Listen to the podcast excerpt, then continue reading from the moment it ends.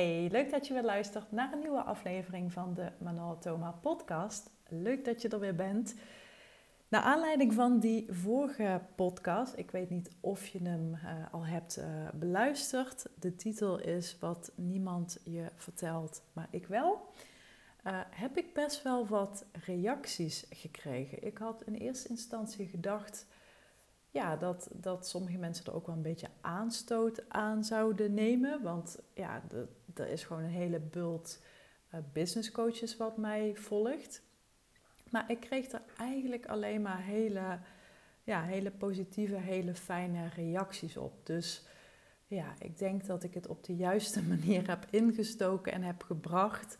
En uh, ja, echt heb benadrukt dat het, dat het niet gaat om goed of fout, maar ja, dat als je dat basissommetje weet te maken, hè, hoe val je af of hoe bouw je een bedrijf of hoe verdien je geld, hè, want dat is ja, natuurlijk wat eruit uh, voortvloeit. Ja, dat is gewoon een basissommetje. En als je dat snapt uh, en echt snapt, want heel veel mensen, en, en met alle respect, snappen het niet. Ik snapte het zelf ook jarenlang niet. En, en ik kukel nog wel eens een keer in die booby traps in mijn brein die zeggen: Oh, je moet wat met uh, die die tool of die die coach die organiseert wat over X, Y, Z. Dat is ook wel heel gaaf. En oh, er is een um, nieuwe future op uh, Squarespace of zo. Ik roep maar nu even iets, hè. Ja, dan kun je heel snel in die, in die fuik belanden van randzaken. En die randzaken die ja, die zouden eigenlijk pas je aandacht moeten hebben als, ja, als je echt je boodschap gewoon hè, hebt geneeld, scherp hebt, hebt afgestemd op de juiste klant. En als je natuurlijk ook succesvol een aanbod hebt verkocht. Dus niet alleen maar denken, ja, maar ik heb heel veel uh, enthousiaste reacties gehad. Nee, enthousiasme vult je bankrekening niet, helaas. Ook dit heb ik door schade en schande wel moeten leren. Dat ik nou ja, dingen lanceerde. En dan was iedereen uh, en zijn moeder enthousiast. En dan hè, ging het shoppingcart ging online. En dan, uh, nou, dan, uh, dan gebeurde er niks. Nada, noppes. En dan was ik altijd wel een beetje verontwaardigd. Want ik dacht, ja, jullie waren toch met z'n allen zo enthousiast. Dus sta je daar ook niet te blind op. Zorg dat je een, uh, een aanbod hebt, zorg dat dat aanbod zich bewezen heeft. Uh, en met bewezen bedoel ik A, je hebt het verkocht. B, uh, je, je klanten zijn dol enthousiast. En drie, ze geven ook een dijk van een review of geven je naam door. Dat, dat is eigenlijk wat je ermee wil bereiken. En als je denkt, ja, nu, nu gaat de boel een beetje lopen, nu begint het een beetje te draaien dan kun je kijken naar al die tools en al die mogelijkheden en al die fantastische opties en mogelijkheden die het internet ons te bieden heeft. Maar ja, zorg dat je dat gewoon eerst hebt, hebt staan en dat het, uh, dat het loopt. En uh, nog een kleine kanttekening hierbij, want links en rechts had ik wat eh, DM-contact. Uh, zie ook dat dit uitstelgedrag is. Hè? Ehm, heel veel mindset cursussen. En of dat nu over money mindset gaat, of hoe je een seven-figure business bouwt, of hoe je uh, nou ja, je chakra's uh, knuffelt, of hoe je je innerlijke kind uh, ziet staan, of, of, of nou ja, systemische dingen. Vaak is dit ook weer uitstelgedrag. En ik noem nu even links en rechts wat voorbeelden. Ik wil weer even bijzeggen dat dat is gewoon even iets in, wat in mij opkomt. Ik heb het dus niet dat ik specifiek op iets zit te pikken. Maar ik weet dat heel veel mensen die van de een naar de andere mindset cursus of mindset coach of relevante ja, onderwerpen gaan, dat dat, vaak een dat dat vaak uitstelgedrag is. Want uh, het wordt maar opgehangen aan, ja, ik voel het niet, of ik geloof nog niet in mezelf, of ja, ik heb toch nog de overtuiging dat ik het niet waar ben, of ja, wat, wat het dan ook maar is wat speelt. En niets menselijks is mij vreemd, want ja, ik, ik ben vaak ook maar gewoon een, een broekpoepert. Ik heb ook ja, ik heb ook mijn angsten en mijn onzekerheden en mijn twijfels. Maar ik weet ook dat ik juist kan vluchten hè, veilig in mijn boeken. In al mijn cursussen die ik heb gevolgd over mindset, over geld aantrekken, over afvallen. Ach man, ik heb een, ik, ik heb een hele verzameling. En ik weet, al die dingen zijn aan zich niet slecht. Hè? Begrijp me alsjeblieft niet verkeerd. Maar ze gaan pas iets voor je doen. Ze gaan je pas echt helpen, echt dienen als je het ook in de praktijk brengt. En heel vaak met, met 9 van de 10 dingen die je leert of hoort of ziet in zo'n cursus of in zo'n boek, daar wordt niks mee gedaan. Ik hoorde het laatst in een, ehm, ja, waar hoorde ik het? Dat weet ik niet meer, maar er werd een soort grapje gemaakt met uh, self-help en shelf-help. Als in shelf, plank. Dus dat heel veel gewoon op, het plank, de planken blijft liggen. En dat is natuurlijk een beetje zo ook. Hè? Dus wat ik dus zie is het is vaak ook uitstelgedrag. Weer een coach, weer een cursus, uh, weer een boek. En ja, je moet het toch gaan doen. Je moet dat aanbod naar buiten slingeren. Uh, hè, je moet de markt op. Je moet gaan roepen of je meloenen of paprika's verkoopt verkoopt. En dan ga je klanten krijgen. En die klanten kun je interviewen. Daar kun je weer diepgaand klantonderzoek uh, naar doen. En zo wordt je aanbod steeds beter. Maar je wil dus dat aanbod op orde hebben. En je wilt het publiek hebben natuurlijk, wat, uh, wat je aanbod wil kopen. Dus dit was even een soort van samenvatting van die vorige podcast. Ja, ik was dus best wel verrast op, op het aantal reacties. Want mijn podcast is nog helemaal niet zo uh, groot.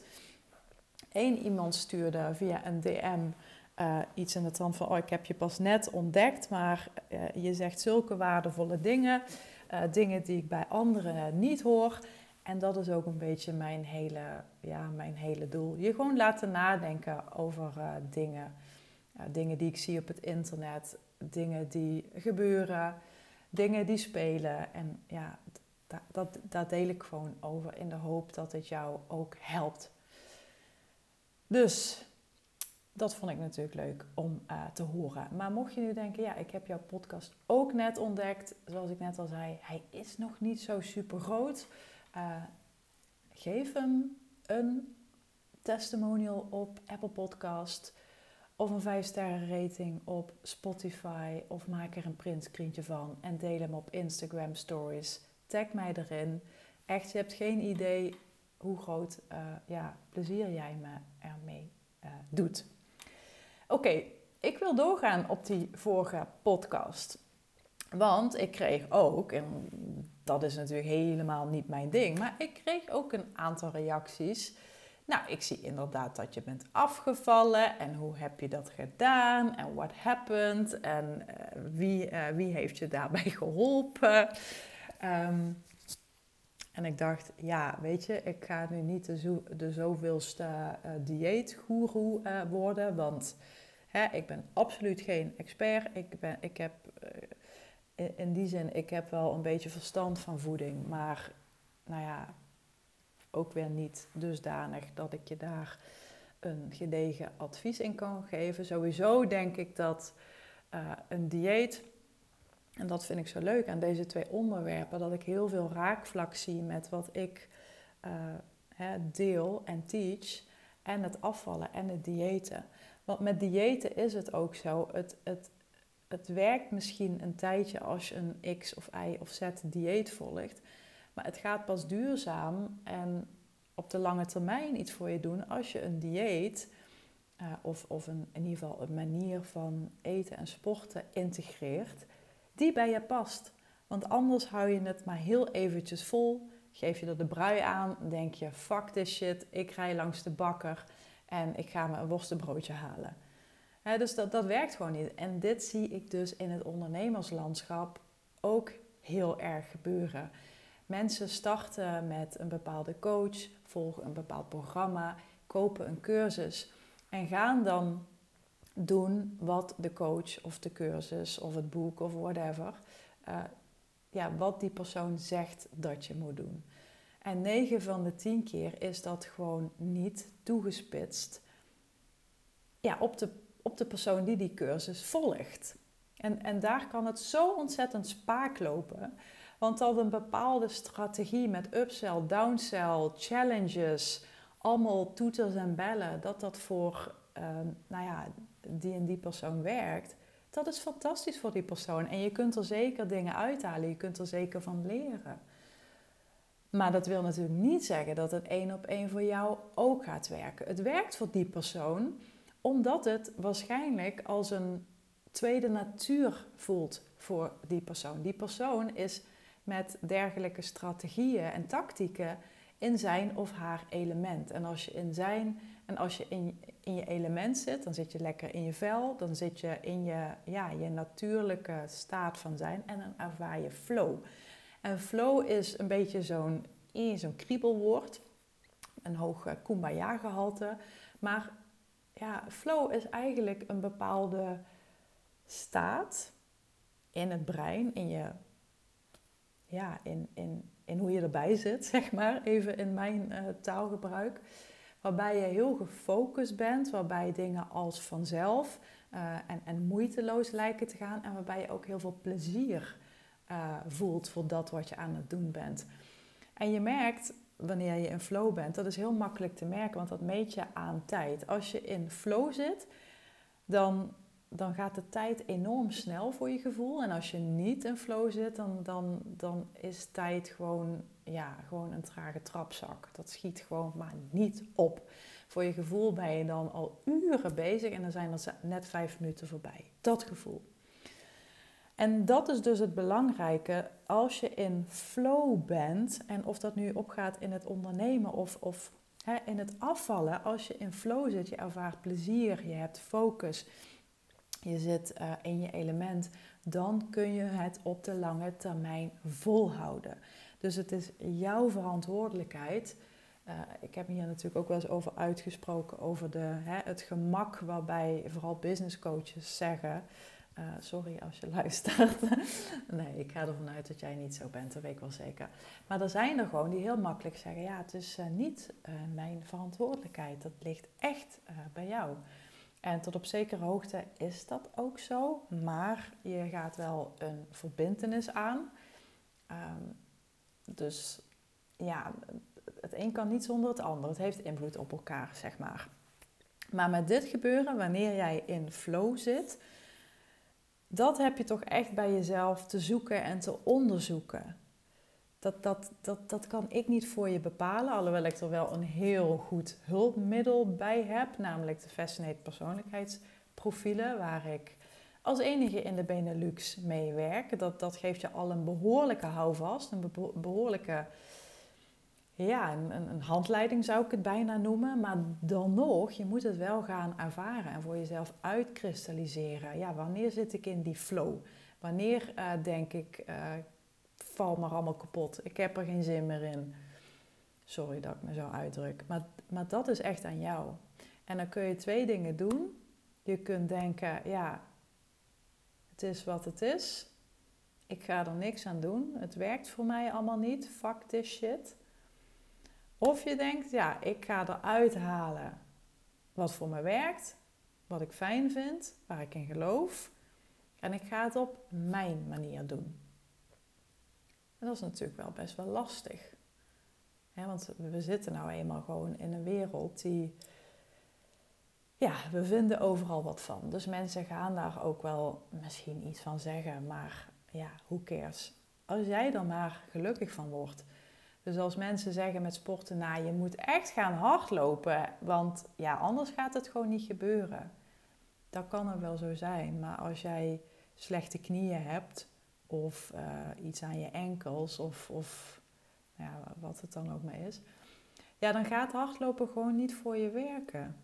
En als ze zeggen, ja, je, je moet heel veel eiwitten gaan uh, eten, maar je hebt een of andere gekke allergie op eiwitten, ja, dan, dan wordt het hem ook niet, snap je? Dus ja, in een, eh, ja, ik ga dat gewoon zeggen, in een wereld die vaart op jouw onzekerheid, is het mijn opvatting dat zelfverzekerd je eigen weg gaan een hele sterke daad is naar jezelf. Want we laten ons allemaal vaak een beetje gek maken hè? en een beetje onzeker maken. En dat is ook het hele doel en de hele functie van marketing. Jou het gevoel geven dat het allemaal heel makkelijk is. Afvallen is moeilijk, ondernemen is moeilijk. En ik zeg niet dat het niet zijn uitdagingen kent. Hè? Ik heb het weer even over dat basisprincipe, dat sommetje. Dus ik zeg niet dat het, dat het allemaal, uh, hoe zeg je dat? Um, nou ja, moeiteloos gaat. Dat gaat het zeker niet. Maar het onderliggende begrip ervan is niet moeilijk.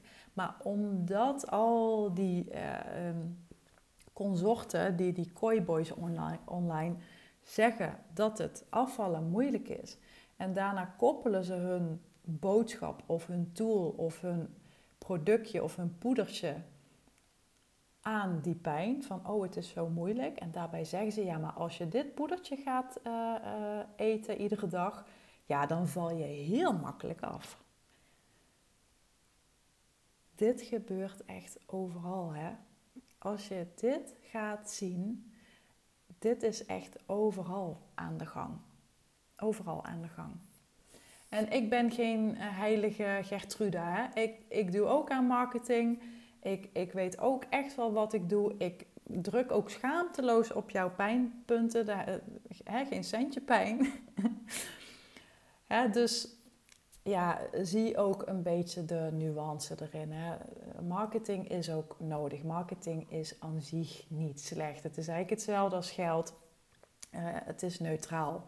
Uh, het gaat om de persoon die het in handen he heeft. Hè. Je, een, een, een, lief persoon gaat mooie dingen doen met geld. Hè. Geeft, uh, wordt een filantroop, geeft geld weg, doet dingen voor goede doelen. En een slecht iemand die nou ja, die, die laat er kernbommen van maken en, en, en dat soort zaken allemaal. Dus dat is met marketing hetzelfde. Kom ik weer even terug bij die opmerking. hey, heb je wat tips om af te vallen?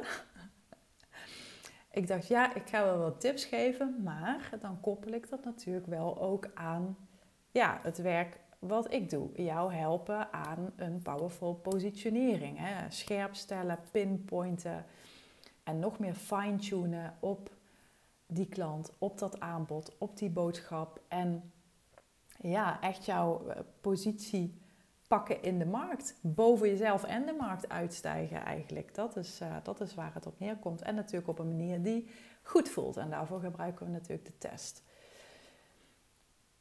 Als we het hebben over afvallen.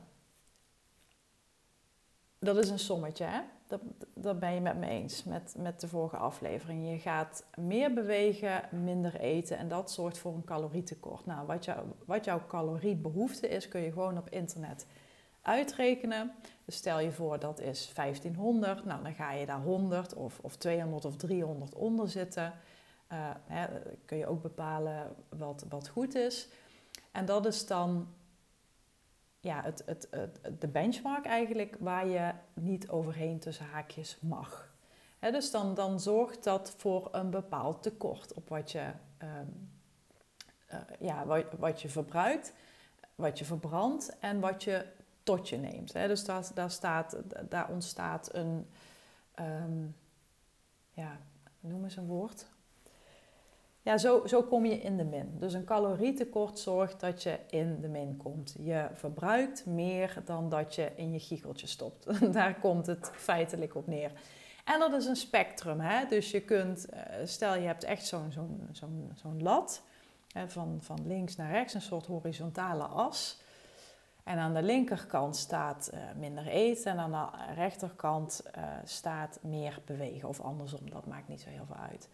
Dan kun je natuurlijk heel erg naar rechts gaan hangen en gewoon meer gaan ehm, bewegen. dus als bewegen rechts staat, nou, dan ga je meer bewegen, ga je meer het, het, het zwaartepunt daar opleggen. Dat heeft effect. Maar je kunt ook veel meer naar links gaan hangen en gewoon minder gaan eten. Dus je kunt met dat spectrum spelen. En als je een beetje in het midden gaat, zet, gaat zitten, dan doe je allebei een beetje. Dan doe je en wat meer bewegen en wat minder eten. Dus met, met, die, met die twee sommetjes kun je spelen. Datzelfde doe je dus eigenlijk met jouw aanbod, bijvoorbeeld aan de linkerkant en aan de rechterkant jouw publiek. Dus je wil aan de ene kant focussen op je aanbod steeds beter maken. Hè, dus daar heel echt de liefde en de energie en de aandacht steken. Maar als je daar te veel op blijft steken, dan heb je een fantastisch aanbod. Maar dan gaat die balans van die as of van die horizontale lijn, die gaat te veel naar links hangen. Dus je wil aan de rechterkant ook werken aan je publiek. Nou, dat doe je bijvoorbeeld door uh, mensen uit te nodigen of rechtstreeks te benaderen, of je maakt een podcast of whatever. Dus idealiter doe je beide dingen. Beide dingen. En dat zorgt ervoor dat je het sommetje in de plus gaat maken. Met afvallen wil je in de min. En met je bedrijf wil je dat uh, liever niet. en wil je in de plus. En met die twee kun je spelen. Dus uh, als je je aanbod waardevoller maakt, dus je lost bijvoorbeeld een veel groter probleem op, dan gaat het prijskaartje omhoog. Dat is gewoon een natuurwet, dat is marktwerking, dat is hoe de economie werkt. Aan de andere kant, als je een ander type publiek uitzoekt, of een ideale klant of een persona, welke naam jij daar ook maar voor hanteert, dat gaat ook die prijs beïnvloeden. Iemand die in uh, de ziektewet zit, die geen werk meer heeft, die uh, eh, 50.000 in de schulden eh, staat, die in kasso's aan de deur heeft staan. Ja, die heeft waarschijnlijk minder te, te dan een, een succesvolle manager van een bouwbedrijf of zo. Ik, ik roep nu maar wat. Hè. Dus met die twee componenten wil je eigenlijk spelen. Wat ik uh, leerde in combinatie met dat afvallen en dat uh, ja, combinatie met het ondernemen, zeg maar. Ik vind dat echt een heel leuk, ja, een heel leuk 1 tweetje tussen die twee. Ik zie heel veel gelijkenissen. Dus natuurlijk ook omdat ik hier zelf doorheen ben gegaan. Ik zal even wat korte context geven voor als je me nog niet zo lang volgt of deze podcast toevallig voor het eerst aanzet. Ik uh, ben een aantal jaar geleden ziek geworden. Ik kreeg een longziekte en ik werd uh, volgestouwd met prednison. Nou, prednison, uh, dat, nou, dat zorgt ook voor een optelsommetje. Namelijk, daar kom je heel erg van aan. In het begin dacht ik nog, oh, het valt wel mee. Ik bleef natuurlijk heel goed op mijn eten letten. Dat deed ik altijd al voordat ik ziek werd. Deed ik regelmatig hardlopen, zwemmen, sporten. Dus ik was best wel een sportief baasje. Uh, niet zozeer omdat ik het heel leuk vond, maar nou ja, het gaf me wel een goed gevoel achteraf. En in, in het begin dacht ik nog, ah, weet je, het valt wel mee. Ik blijf gewoon bewegen, ik blijf sporten. Maar ik werd echt wel zieker, ook door die prednison en ook door die longaandoening. Dus ik ging minder bewegen, want ik, ik, ik, ik was gewoon net een, een ja, een kort adem, kortademige Shetland pony. Ik had echt gewoon, uh, nou, ik was net een rochelende zeehond. Het ging helemaal nergens meer over. Dus ik had de energie van een, ja, van wat? Van, van, van een oud mens, zei ik altijd zo. Ehm, ja, en ondertussen bleef ik gewoon wel eten zoals ik gewend was. En dat was ja, aan zich niet heel slecht. Maar ja, voorheen sportte ik lekker. En als je dan s'avonds een half zakje chip weg, wegknaagt en een glas wijn drinkt, of twee, of in het weekend lekker gaat uit eten, nou, dan wordt er ook een flesje wijn bij opengetrokken. Ja, dat, dat maakte helemaal niks uit, want die, dat sommetje bleef kloppen. Ik verbrandde gewoon heel erg veel. Dus ik kon best wel wat leien uh, met mijn calorieinname. En natuurlijk had ik soms over mijn uh, behoeften, maar ik was daar destijds niet eens mee bezig. Ik wist dat niet eens dat dat bestond. Maar ik bewoog gewoon heel erg veel. En dat zorgde ervoor dat ik ja, ook qua eten gewoon veel, ja, ik kon gewoon veel eten. Dat, ik, ik kwam niet aan, zeg maar. Dat was gewoon goed in balans. Nou, toen kwam uh, de prednison en die gooide roet in het eten. En langzaam maar zeker ja, slopen de kilootjes erin. Uh, en uiteindelijk zijn dat ja, wat zal ik zeggen? Een, een kilo of 15 is dat uh, in totaal geweest. En uh, ik ben 1,60 meter en dan rond ik het af naar boven, zeg ik altijd. Op mijn paspoort staat 1,60. Um, ja, dus ik, ik was wel best wel een. Ja, ik, ik, ik, voelde me wel een beetje een, een, een, ja, een Oompa zeg ik altijd. Ik voelde me een beetje een Oompa. En uh, in die tijd bleef ik ook gewoon sporten. Hè? Dus ik ging wel naar de sportschool. Uh, maar het, mijn hele hormoonhuishouding lag uh, in de war. Het, mijn spijsvertering, of hoe noem je dat, mijn, mijn verbranding door de prednison. Nou ja, ik, ik, zal je het besparen. Maar dit is dus ook waar, waar ik soms een beetje pissig van werd. En dat hele afvallen gebeuren. En dus dat mensen dan heel ja, rechtlijnig waren en zeiden... ja, je moet gewoon zorgen voor een calorietekort. Uh, maar er zijn gewoon uitzonderingen. Ja, dus ik, ik was zo'n uitzondering. Met prednison, mijn arts zei het ook een keer, dat is dweilen met de kraan open. Dus op een gegeven moment heb ik dat maar een soort van geaccepteerd. En ik dacht, ja, ik blijf gewoon wandelen en ja, ik let wat meer op mijn eten en ik ga sporten. En, en, en meer kan ik gewoon nu niet doen. Um, maar dat was wel echt iets waar ik me ja, pestig over maakte. En uh, niet alleen pissig, maar het deed natuurlijk ook heel veel met mijn uh, vertrouwen, met mijn zelfvertrouwen, met mijn mentale gezondheid ook wel. Ik heb best wel, uh, ja, nu achteraf kan ik zeggen, ik heb daar heel veel last van gehad. Het heeft me ook echt geremd. Uh, en mijn bedrijf heeft er in die zin geen last van gehad, want ik deed gewoon heel veel online omdat ik dat leuk vind. Eh, maar offline dingen deed ik eigenlijk niet meer. En ik ging wel eens heel af en toe naar een event of naar een VIP-dag of een whatever. Maar ik, ik voelde me daar gewoon helemaal niet prettig. Ik kreeg er dan paniekaanvallen van. En ik, ik voelde gewoon aan alles. En dat idee had ik dat mensen dan heel erg naar me staarden. En zeiden, oh ja, hè, zij is ziek geworden. En uh, nou, hè, ook... Uh, nou ja, qua uiterlijk was ik dan bang dat ze me daarover zouden beoordelen. Ik weet ook wel dat een keer op mijn verjaardag was van mijn familie en dat daar ook echt iemand zo'n opmerking maakte van, nou, je, hebt wel echt een dikke kop gekregen en uh, nou, je ziet er toch lekker Hollandse kop. Um, ja, dat schoot natuurlijk wel een beetje in, verkeer, in het verkeerde want ja, een Hollandse kop, dat was gewoon ja, ik weet ook wel dat ik daarbij liep als een emoji. Maar ja, dat is echt een typisch effect van prednison. Je krijgt zo'n volle maansgezicht. En als ik aan mijn wangen voelde, dat, ja, dat voelde ook heel hard. Alsof er een soort van... Ik weet niet of je die dingetjes kent. Maar dat zijn van die... Uh, ja, dingetjes, dingetjes. ik kom niet op door. Maar daar kun je op knijpen. Kun je je handen vasthouden. En wordt dat hard en dan wordt dat warm. Dat is eerst gelei. En als je dan op zo'n knopje drukt, dan wordt het een soort van... Ja, wat harder zo voelde mijn gezicht een beetje. Dus het deed ook gewoon ja, pijn. Het was gevoelig. Nou, dus het heeft mentaal heeft het wel wat gedaan. En uh, het heeft me echt wel, ja, het heeft me onzeker gemaakt, geremd. Nou ja, al, um, ja, dat soort dingen. Tot ik, is dat twee jaar geleden? Ik ben nooit zo goed in jaartallen en alles onthouden. Maar toen werd besloten dat ik mocht stoppen met prednison. Eerst moest ik nog echt een hele lange tijd afbouwen. Want als je te snel stopt, dan uh, nou ja, weet ik veel, dat is niet goed. En in de tussentijd kreeg ik dan een ander medicijn. En dat medicijn wat ik kreeg, dat zou op de lange termijn wat minder effect hebben op mijn uh, lichaam. Want prednison is gewoon een paardenmiddel. Ik kreeg ook echt pijn aan mijn botten. Um, mijn zicht werd slecht. Ja, allemaal dat soort uh, bijwerkingen. En dat, dat, dat medicijn wat ik dan kreeg, dat, dat viel, of dat wordt ook ingezet bij mensen met kanker.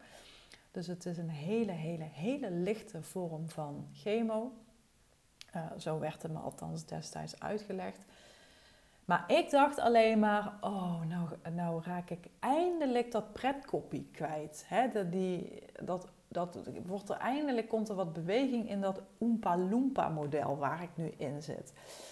Het heeft echt lang geduurd voordat dat een beetje begon te draaien, begon om te keren. Want prednison blijft heel lang in je lichaam zitten. En ik had het een jaar of vijf uh, moeten slikken, iedere dag. Begon met 80 milligram en nou ja, de laatste jaren uh, eh, 20 of zo, weet ik eigenlijk niet meer. Maar goed, uiteindelijk begon het uh, dus een beetje bij te trekken. Langzaam, langzaam maar zeker voelde ik mijn jukbeenderen weer.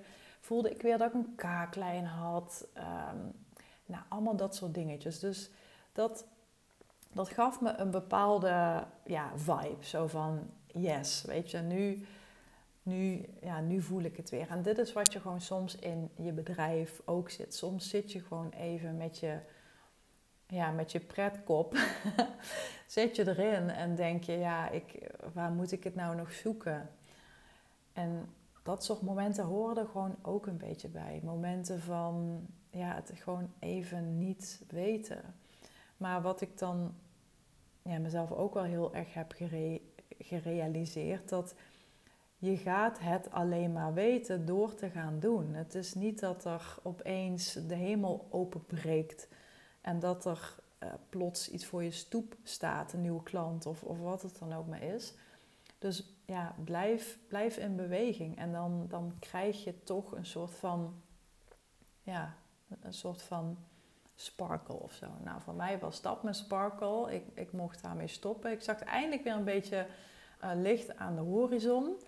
En nou, toen ben ik verhuisd. We zijn uh, anderhalf jaar geleden alweer is dat, zijn we verhuisd naar het Toorn. Letterlijk meer ruimte, een, een, ja, een, echt een heel groot huis voor ons tweeën. En, en, en ik voelde hier eindelijk, ja, weet je, dit echt, ik, ik, ik mijn, mijn leven kreeg zo'n upgrade qua kwaliteit. En, en niet dat ik op een slechte plek woonde, helemaal niet, maar ja, toch wel heel anders als hoe ik nu uh, woon. En ik, ik ben niet zo'n type wat daar heel erg over naar buiten wil en uh, huistoeren doet en allemaal dat soort dingen. Um, maar ja, ja, ja, het is wel gewoon een fantastische plek, laat ik het zo zeggen. En uh, ja, dat, dat zorgde eigenlijk voor zo'n turbo boost naar ja, de doelen die ik had naar mijn future me, zeg maar. En mijn future me, die, ja, die wilde gewoon heel graag weer lekker in haar vel zitten. En toen zijn we dus verhuisd en toen, nou, ik kreeg gewoon zo'n ja, levensenergie weer door me heen. Ik weet niet zo goed hoe ik het moet uitleggen, maar ik dacht, ik ga weer all in. Ik ga sporten, ik ga kijken welk dieet ik wil. Ehm, en je, je, moet weten dat ik in die tijd eraan voorafgaand heel uh, ja, bevattelijk ben geweest voor al die diëten, al die mensen die je gouden bergen beloven. En nou, misschien niet letterlijk gouden bergen omdat je afvalt, maar wel ja, je, dat killer body beloven terwijl je er helemaal geen moeite voor hoeft te doen. Hè?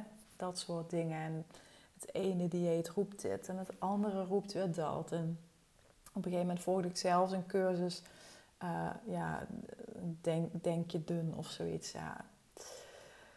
Ik ging bloedonderzoeken laten doen. Uh, hoe heet dat ook alweer? Dat bloedonderzoek. Um, nou, ben ik even kwijt. Nou, in ieder geval, ik, ik, ik, ja, ik bracht al mijn geld weg, zeg maar, naar dat soort dingen. Ik wilde beter worden. Ik wilde me fysiek beter uh, voelen, hè? dus, dus uh, ja, afvallen.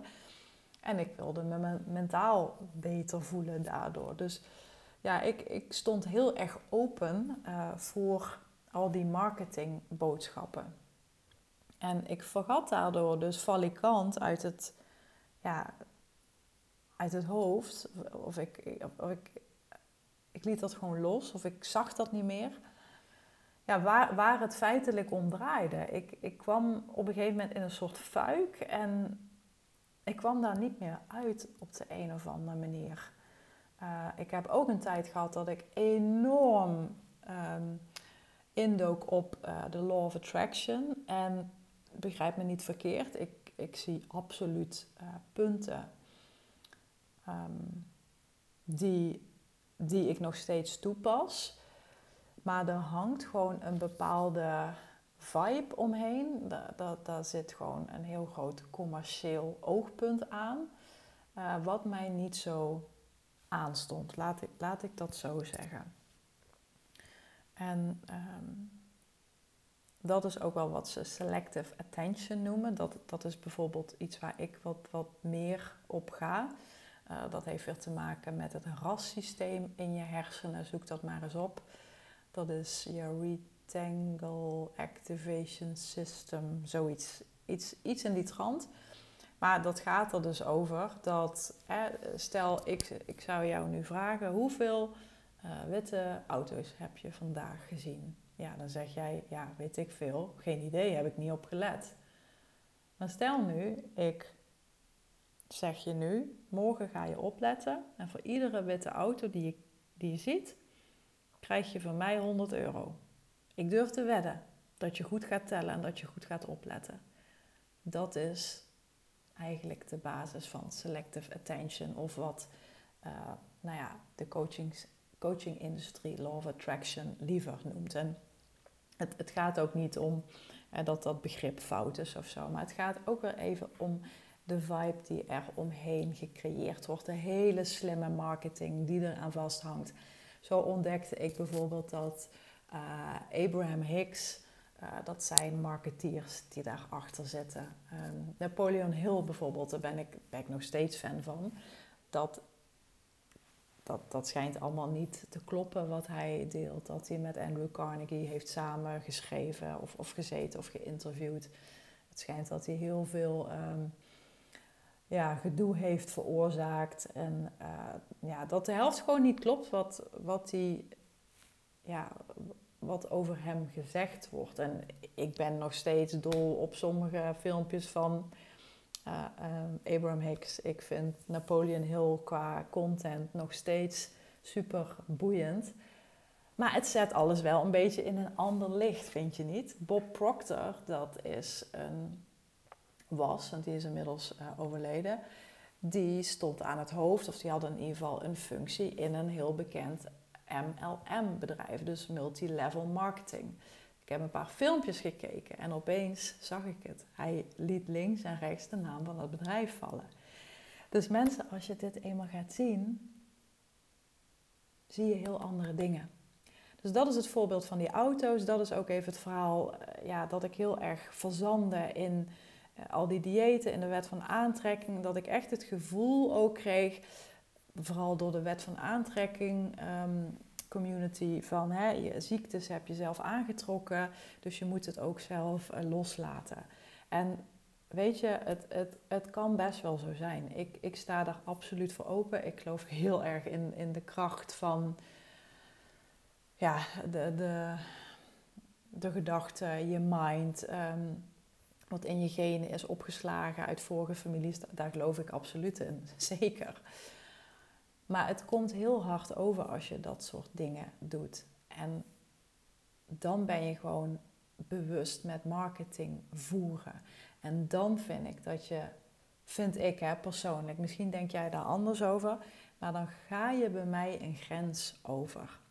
Want jij, jij, jij hè, je benoemt zo, en even niet je als in iemand specifiek, die community, zeg maar, en ook lang niet allemaal. Ze zitten zo op jou een bepaald gevoel geven dat jij gelooft dat je het zelf hebt gecreëerd. Want als je dat gelooft, dan ben je ontvankelijk voor hun boodschap, voor hun oplossing, voor hun geheim.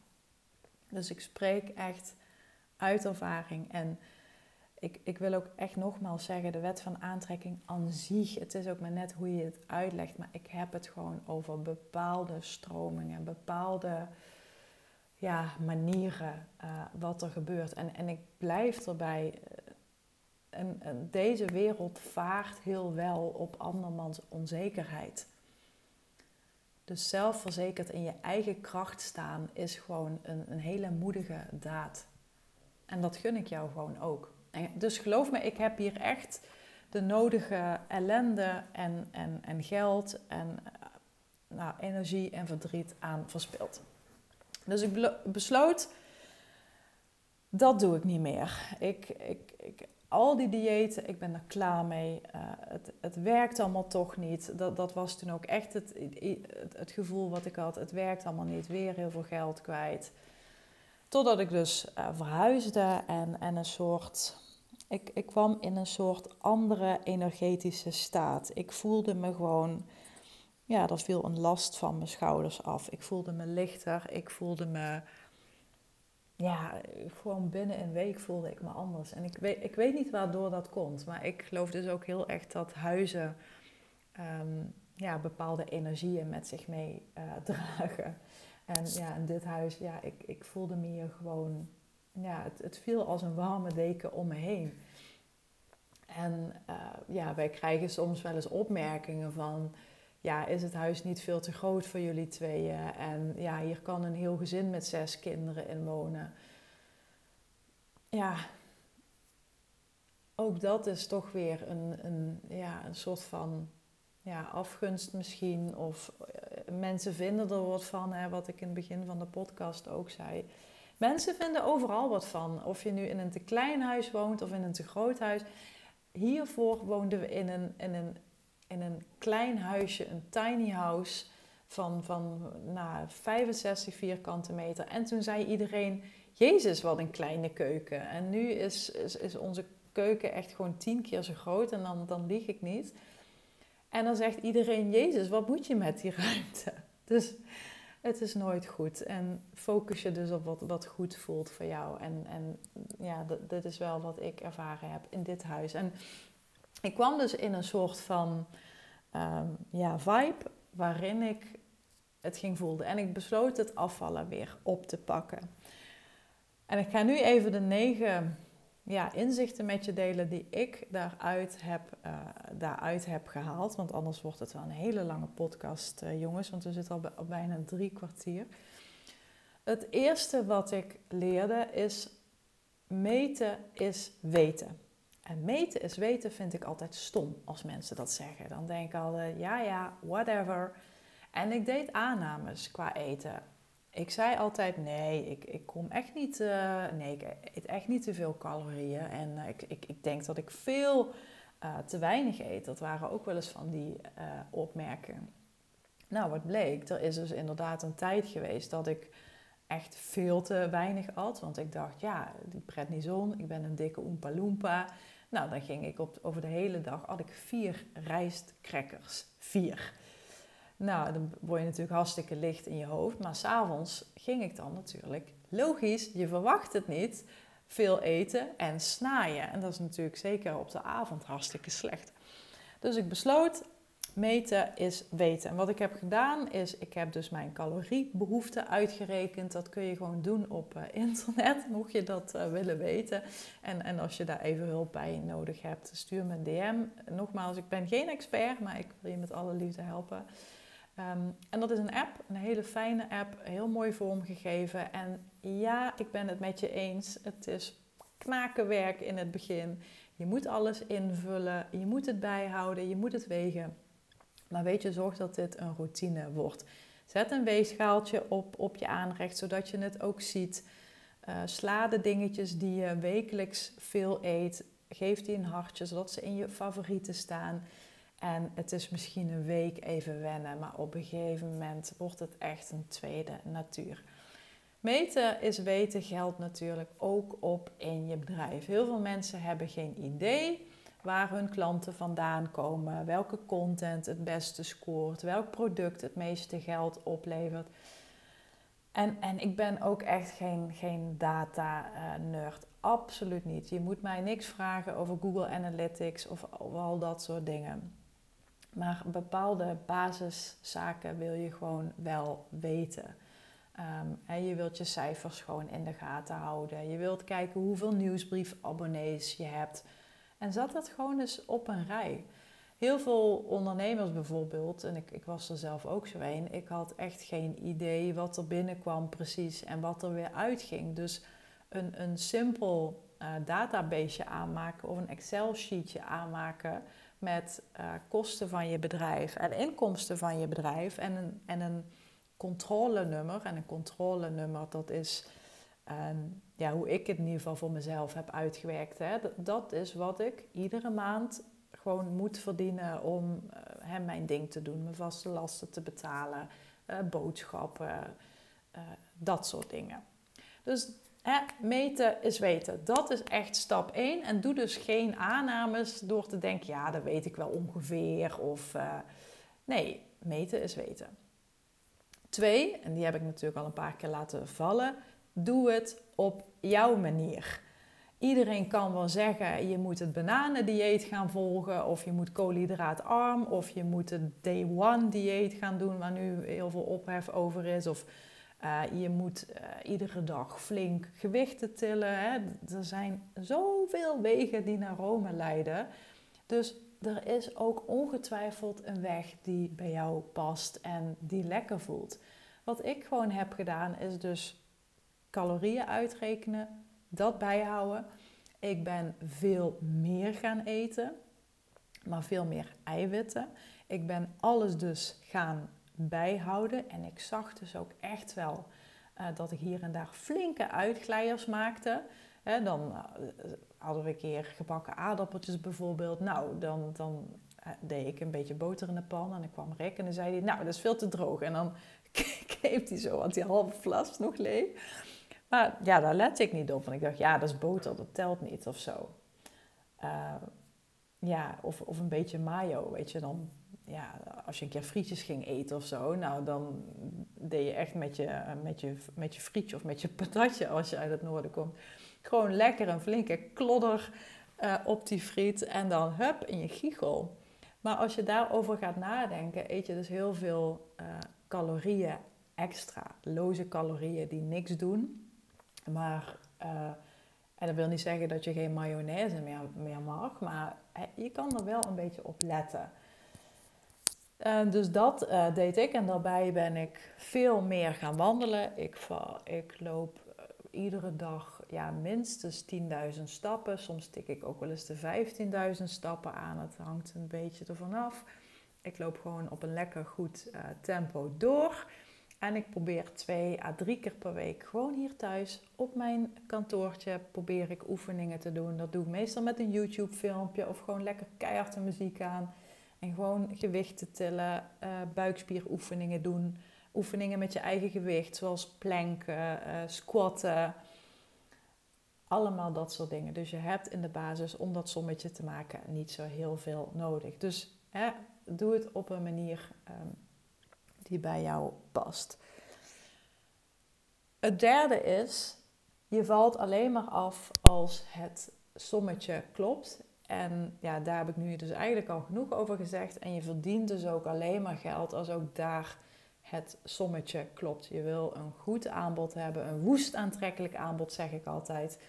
Uh, mocht je trouwens daar meer van willen, ik heb daar een uh, mini-cursus over. Die komt binnenkort wel weer op mijn website te staan. Die uh, gaat op de schop. Maar mocht je nu staan te popelen, stuur me even een berichtje. Ja, en zorg dat je, dat je aan je publiek bouwt. Hè. Je wil hoe meer oogballen, hoe beter. En je wil dus echt hyper gepersonaliseerde content maken om dat publiek wat je aan het uitbouwen bent, om die middels een soort van hangbrug naar jouw aanbod te leiden. En ook hier, doe geen aannames. Hè? Doe geen aannames. Het is eigenlijk in het hele proces uh, zijn aannames uh, ja, gewoon heel erg gevaarlijk. Um, ik, ik heb ook wel eens mensen gesproken die allerlei concepten optuigen, daar, daar bakken met geld naartoe brengen om dingen te maken, te bestellen, uitbesteden, uh, bedrijfsvideo's. En het levert geen drol op, want je hebt nog helemaal geen publiek. Dus begin met dat soort dingen altijd met een MVP, een minimal, minimal viable product. Dan zijn we bij nummer 4, geloof ik. Hè? Um, ja, het hoe is ondergeschikt aan de wat. Of het wat, de wat. Hoe zeg je dat nou? Nou, maakt ook niet uit. Maar je wil dus je wat helder hebben. Wat je te bieden hebt en aan wie je het gaat vermarkten en verkopen. Dat, dat is het eigenlijk in de basis. En natuurlijk, hè, dat, dat aanbod maken, dat doe je ook niet even tussen de soep en de aardappelen door. Daar gaat ook tijd in zitten. Je publiek wil je opbouwen. Hè? Ik zeg niet dat, dat, dat omdat het nu zo simpel klinkt, klinkt dat het daarmee ook heel makkelijk is. Dat is niet wat ik, wat ik zeg. Maar je wil dat, dat wat wel duidelijk hebben. Dat is ook je, ja, deels je positionering. Hè? Dat is die, die back to basics waar ik het vaak over heb. En de wat, daar kun je ook aan blijven bijschaven, tweaken, testen, terugkoppelen. Uh, feedback vragen aan je klanten. Je klanten betrekken in dat wat je aan het maken bent. Dat is super waardevol uh, om te doen. Dus echt goed klantonderzoek leren doen. Uh, side note, hier heb ik trouwens ook een mini training over hoe je echt ja, op een super toffe manier klantonderzoek leert doen als een ware ninja. En ja, ik kan je garanderen, goud waard.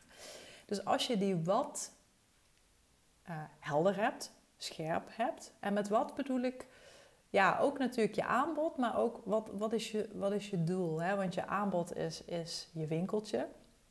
En wat, wat wil je daarmee? Wat wil je daarmee verdienen? Hoe hoog is dat bedrag? En waarom heb je dat bedrag nodig? Wil je een tweede huis kopen in Spanje? Wil je geld wegzetten voor je kinderen? Wil je maandelijks een x bedrag uh, gaan beleggen bij de Giro? Hè? Dus um, maak dat ook eens concreet. En dan, als je het wat duidelijk hebt, kun je na gaan denken over al die toeters en bellen die, uh, nou ja, die je online kunt vinden. En dat is dus het hoe. En als je het hebt over afvallen, om dat er even als voorbeeld bij te betrekken. Dat wat, maak dat concreet, uh, daar, uh, maak het tot een smart doel, zoals dat dan zo mooi heet. Hè, maak het specifiek, maak het meetbaar. En uh, nou, eh, misschien is dat 10 kilo bijvoorbeeld binnen nu en een jaar. Nou, dan, dan weet je dat je, um, nou ja, zeg een, een kilo per, per maand doet. Dat klopt niet helemaal, maar even voor de snelheid. Dan uh, ja, kun je nadenken, oké, een kilo per maand. Nou, dan moet ik zoveel minder calorieën. Dus zo kun je het een beetje gaan terugwerken. En dan kun je ook nadenken, ja, ik, ik ga een, een personal trainer inschakelen. Of ik ga eh, me abonneren op een YouTube kanaal. Of uh, ik, ik ga iedere drie keer in de week intermittent fasting doen of zo. Hè? Bepaal wat je wil. Dan gaan we naar punt nummer 5. Je wil je, zo, je wil je future me, wil je super scherp hebben. Ik geloof dat er heel veel versies van jouw bestaan. En dit klinkt misschien een beetje woehoe, maar dat is echt zo. Jij kunt, nou misschien niet kiezen wie je wil worden, maar je kunt je wel focussen op wie je wil worden. En wat de meeste mensen doen, en, en ik dus ook, ik focuste me vooral op de persoon die ik niet wilde worden. Of nog breder gezegd, ik focuste me ook op dingen die ik niet wilde. En dat is mens eigen. Uh, en dat is dus ook een beetje dat stukje wat ik net vertelde over de wet van aantrekking en die selective attention in je uh, rasgebied van je brein. Ik had dus de focus op, ja, dat wil ik allemaal niet. Maar wat gebeurt er dan in je hoofd? Je bent wel de hele tijd met dat niet bezig. En wat doet je mind dan? Ja, die zorgt dat. Uh, die, die zorgt voor een bepaalde confirmation bias. Dus ja, jij denkt hier de hele tijd aan. Dus dat zie je dan ook in je buitenwereld. Hè? Denk even terug aan die witte auto's. Dus je wil heel helder hebben wat jouw future me en of je nu wil afvallen of een six-figure business wil. Ja, hoe ziet, hoe ziet dat eruit? Visualiseer dat. En ja, visualiseren, dat is ook een beetje zo'n, uh, ja, toch wel een beetje zo'n wet van aantrekking uh, term, denk ik. Maar als je heel eerlijk bent, is dit gewoon iets wat mens eigen is. Het heeft eigenlijk nergens um, verband mee. Het is een op zichzelf staand, opererend iets. Wij hebben verbeeldingskracht. En met die verbeeldingskracht hebben we ook een bepaalde scheppende kracht. Ieder idee uh, bestaat eigenlijk twee keer. Eén keer in je hoofd en de tweede keer in de realiteit. Dus als je visualiseren moeilijk vindt, je kunt ook schrijven. Je kunt ook uh, de knop in je telefoon indrukken en een audio opnemen. Of je maakt een moodboard. Verzin iets wat bij je past, maar zorg dat je visueel maakt wie die persoon is als die is afgevallen. Hoe voel je je dan? hoe zie je er dan uit? Heb je dan misschien weer die ene jurk aan van twee jaar geleden? En stel je dan ook voor dat als je die jurk nu aantrekt, dan kun je hem niet uh, doortrekken naar boven, want dan zit hij in een of andere, raakt hij verdwaald in een vetrol. Maar dat hij gewoon heel vloeiend zo naar boven gaat. En dat er gewoon nog ruimte tussen je buik en de stof zit. Kun je dat voorstellen? Waarschijnlijk kun je dat nu direct voorstellen. Misschien niet per se met afvallen, maar wel met iets anders. En dat is omdat er in je hoofd, als je visualiseert, volgens mij noemen ze dit Newtonian time en de quantum time. Dat is het verschil. Maar de tijd waar je uh, in, in die wereld, in hè, je, je visualisatie of je verbeeldingskracht, tijd bestaat dan niet. Hè? Als, als ik nu zeg van um, denk aan een konijn, dan kun je direct aan dat konijn denken. Terwijl in de echte wereld zul je op zoek moeten gaan naar een konijn. Dus daar, daar gaat tijd overheen. Dus gebruik die visualisatie om het nu te voelen, om het nu te ervaren, om nu daar bepaalde emoties bij op te roepen. Dan door naar nummer 6. Motivatie is niet nodig. Geloof me, ik, ik had nooit zin om te sporten. Maar op een gegeven moment dacht ik, ja, je gaat gewoon sporten. Al ga je vijf minuten, als je na die vijf minuten denkt, oh, ik heb echt geen zin, mag je stoppen. Nou, je raadt het al, dat gebeurt natuurlijk nooit. Want als je bezig bent en je hebt uh, je gimpies aan, dan ga je.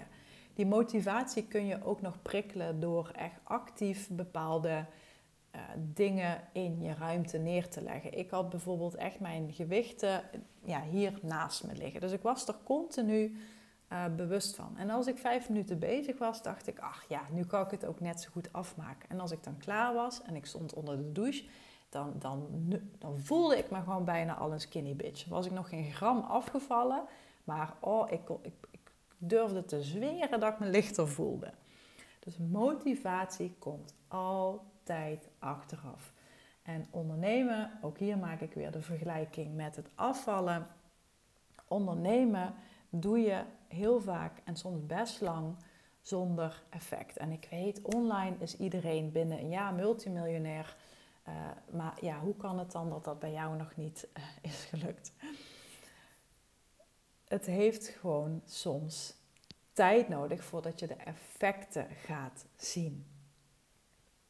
En dat is met afvallen zo en dat is met ondernemen helaas soms ook zo.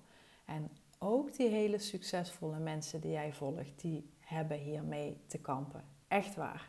Die hebben ook zo hun momenten, die hebben ook zo hun fases. Alleen dat zie je misschien niet online. Dus weet dat als jij nu dingen aan het doen bent en denkt, ja, waar doe ik het nou eigenlijk voor? Je doet het voor jezelf, voor die toekomstige future me. Ga gewoon door. Verstand op nul. Die motivatie die komt achteraf. Als je een aantal weken aan het sporten bent en denkt: verrek, ik krijg deze broek wat, uh, wat makkelijker dicht. Of oh, ik ben al twee kilo afgevallen. En dan zul je zien dat het jou een soort interne boost geeft en denkt: nu ga ik door, nu laat ik niet meer los.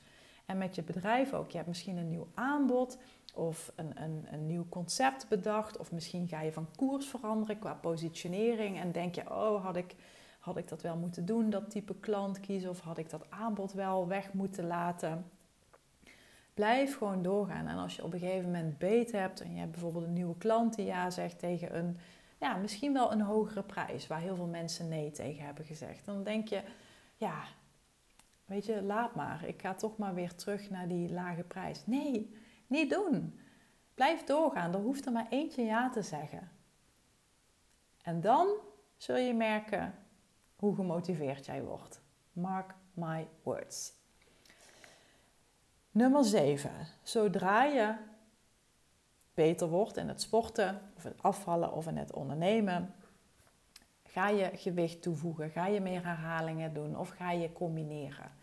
dus met sporten is het zo, je begint met 5 kilo, nou dan doe je dat na een tijdje doe je 10 kilo of je gaat meer herhalingen doen uh, of nou, bepaalde combinaties maken. Uh, dus dat je bijvoorbeeld, um, uh, nou ja, ik moet nu even snel iets verzinnen, maar dat je bijvoorbeeld een sneller oefeningen achter elkaar doet. Ik weet even niet meer hoe ze dat noemen, maar daar is een, is een naam voor dus dan, dan schrap je de pauzes en dan ga je ze sneller met elkaar combineren. Zo word je steeds sterker, word je steeds beter. Maar zo begin je natuurlijk niet. Je begint met die basis. Gewoon in beweging komen, op wat voor manier dan ook. En zorgen dat je minder eet. En hoe meer motivatie je voelt, hoe meer effect je bereikt. En hoe meer je dan kunt tweaken, kunt toevoegen, kunt uitproberen ja, misschien helpt het inderdaad, omdat je nu zo als een malle aan het sporten bent, om eiwitten te gaan uh, tot je nemen met zo'n zo'n poeder bijvoorbeeld. Maar daar hoef je echt niet per se mee te beginnen. En datzelfde geldt dus op met het ondernemen. Je hoeft niet echt de meest uh, fancy funnels te hebben of iedere week een nieuwe fotoshoot of een, of een mega uitgebreide website of een complexe leeromgeving voor je online cursussen.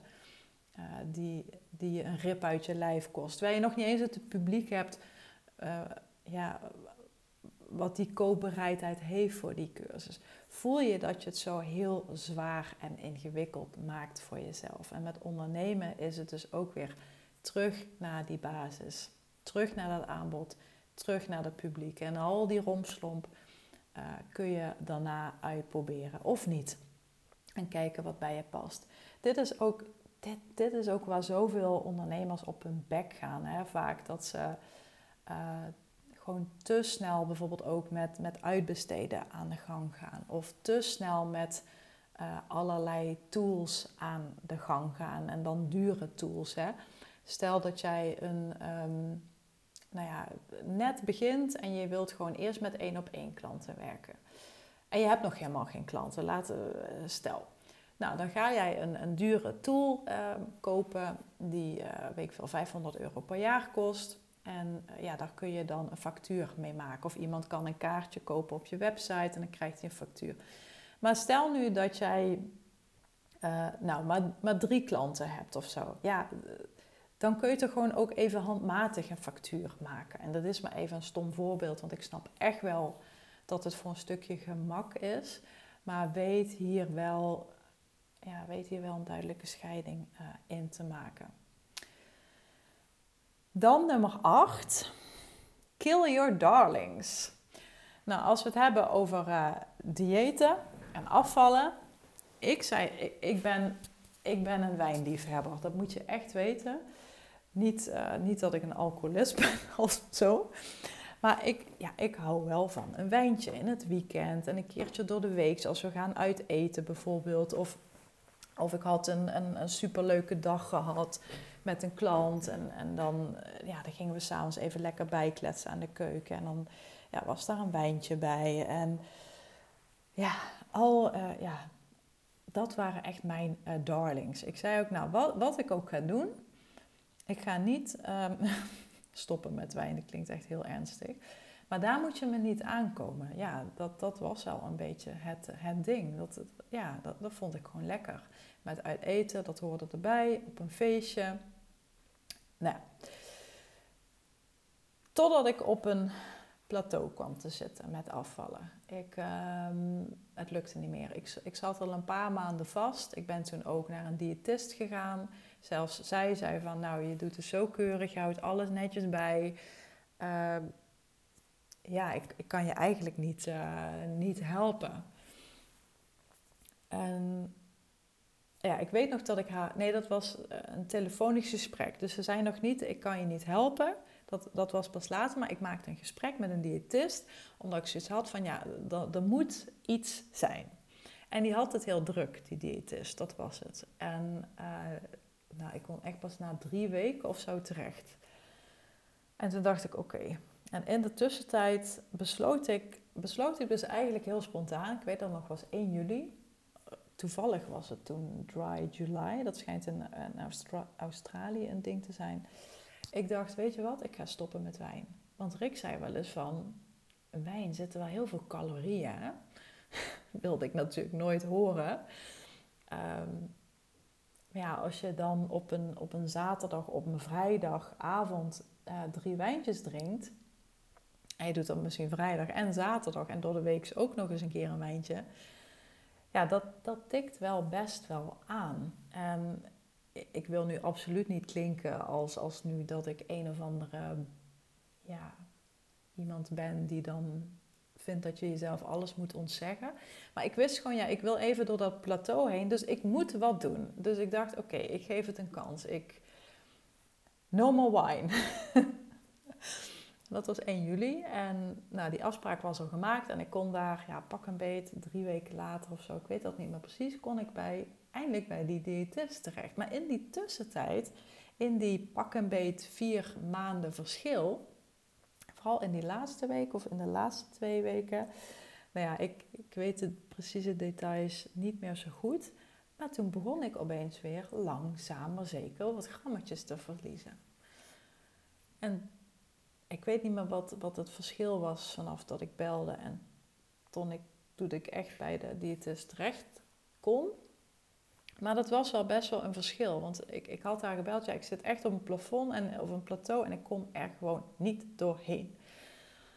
En nou, ik ben daar dus alsnog naartoe gegaan, alhoewel ik dus wel merkte van... hé, hey, ik begin nu toch wel wat, wat af te vallen. Dus misschien is het dan toch die wijn geweest. Want verder, ik bewoog, ik at super gezond, ik hield al mijn calorieën bij... ik dronk heel veel water, uh, ik zat goed op mijn eiwitten. Nou ja, alles, alles leek te kloppen. En dat bevestigde die diëtist dus ook.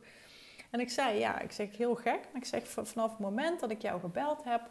Uh, zijn die kilo's weer een beetje beginnen uh, ja, af, te, af te zakken. En ze zei, ja, wat heb je dan gedaan? En ik zeg, geen idee.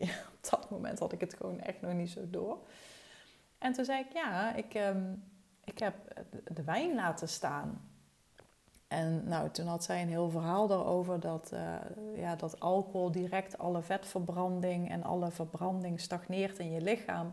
Want je lichaam eh, signaleert alcohol als vergif. Het is natuurlijk eigenlijk ook gewoon vergif. Um, en, en daardoor komen andere, andere processen komen stil te staan. Zoiets was het. Dat had echt verschillende effecten. En zij zei van ja, dit, dit is dus iets wat ik heel vaak zie. Want heel veel mensen houden wel van s'avonds bij de tv een drankje. En vragen zich dan af waarom ze niet afvallen. Maar dat is dus, kan dus echt één glas alcohol kan dat gewoon kennelijk volledig laten stagneren. Dus nou, dat werd mooie bevestiging. Ik ben, ik ben gewoon tot op de dag van vandaag ben ik daarmee gestopt. En uh, ja, het heeft gewoon mega veel effect gehad. Want het, het ging echt een steeds sneller tempo. Uh, zetten, het, zetten het door eigenlijk. En daar was ik heel blij mee. En ook dat hangt weer een beetje met die motivatie samen. Want ik werd ervoor beloond. Dus daardoor bleef ik ook gemotiveerd om er gewoon met mijn klauwen vanaf te blijven. Nou, de laatste. Uh, ik heb al lang niet meer volgens mij zo'n lange podcast opgenomen. Maar de laatste. Accepteer dus dat er plateaus zijn. En een plateau met afvallen of een plateau in je bedrijf is soms ook een fase van even bezinning of een fase van hé, hey, wat, wat mis ik hier? En soms zijn het gewoon hele kleine aanpassingen waardoor het weer gaat stromen of waardoor je in mijn geval weer gaat afvallen.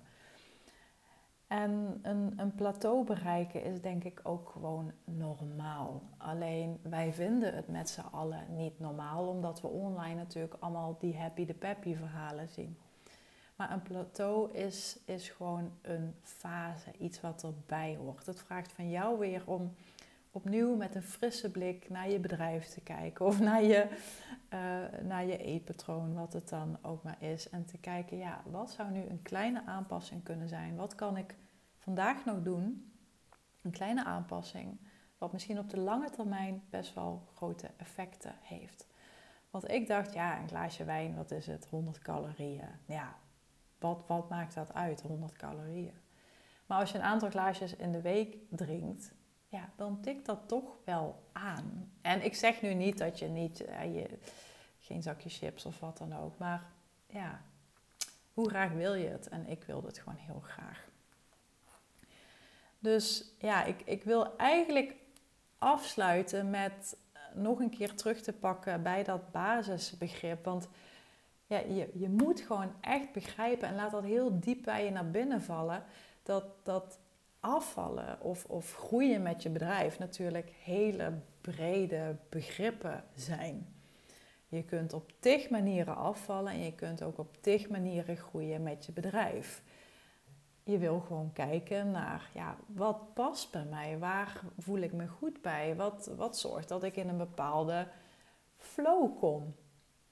En ja, dat sommetje, dat, dat heb je, hoop ik, nu wel duidelijk.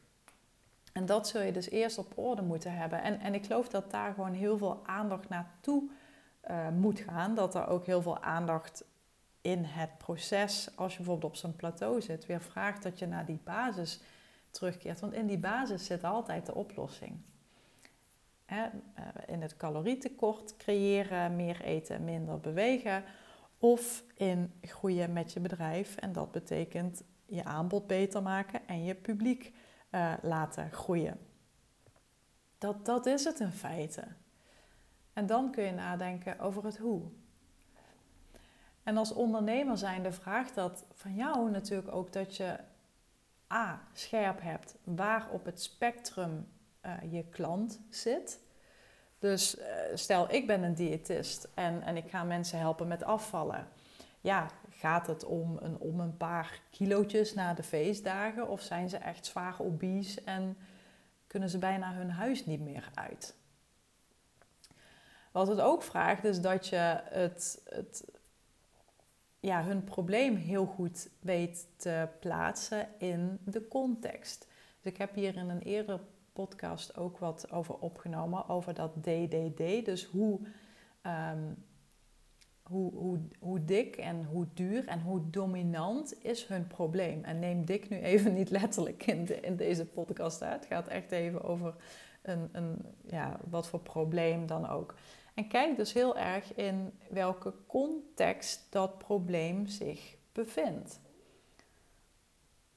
Daar, daar zit natuurlijk enorm veel, dat is ook weer een enorm breed spectrum. Help je iemand die, ehm, of wil je iemand helpen die ja, heel echt bijvoorbeeld de body positivity ehm, vibe omarmt en die gewoon ja, er oké mee is en de gezondheidsproblemen misschien accepteert, en ik heb hier geen oordeel over, laat dat eh, duidelijk zijn, maar ja, dan, dan is het gewoon best wel moeilijk. En dan kun jij er wel van alles van vinden, maar als die, probleem, als die persoon zelf dat geen probleem vindt, ja, dan kun je het vergeten. Dan nadenken hoe je het oplost. Afvallen kan op zoveel manieren. Je kunt een personal trainer inhuren, een, een van de miljoenen diëten volgen, pilletjes aanschaffen of een maagband uh, kopen. Er zijn tig routes en iedere route uh, heeft weer een bepaalde context. Denk aan snelheid, denk aan comfort, denk aan prijs en denk aan uh, haalbaarheid. Het laatste, bepaal het prijs kaartje. Ik vind dit echt super belangrijk in het hele positioneren. Prijs is zo, zo ontzettend belangrijk. En prijs beïnvloedt ook zo de waarde en andersom. Dat is ook een heel mooi spectrum om uh, mee te spelen. Hè? Als je gaat afvallen, ja, een plastic chirurg is ietsjes duurder dan gewoon een tijdje minder chips vreten.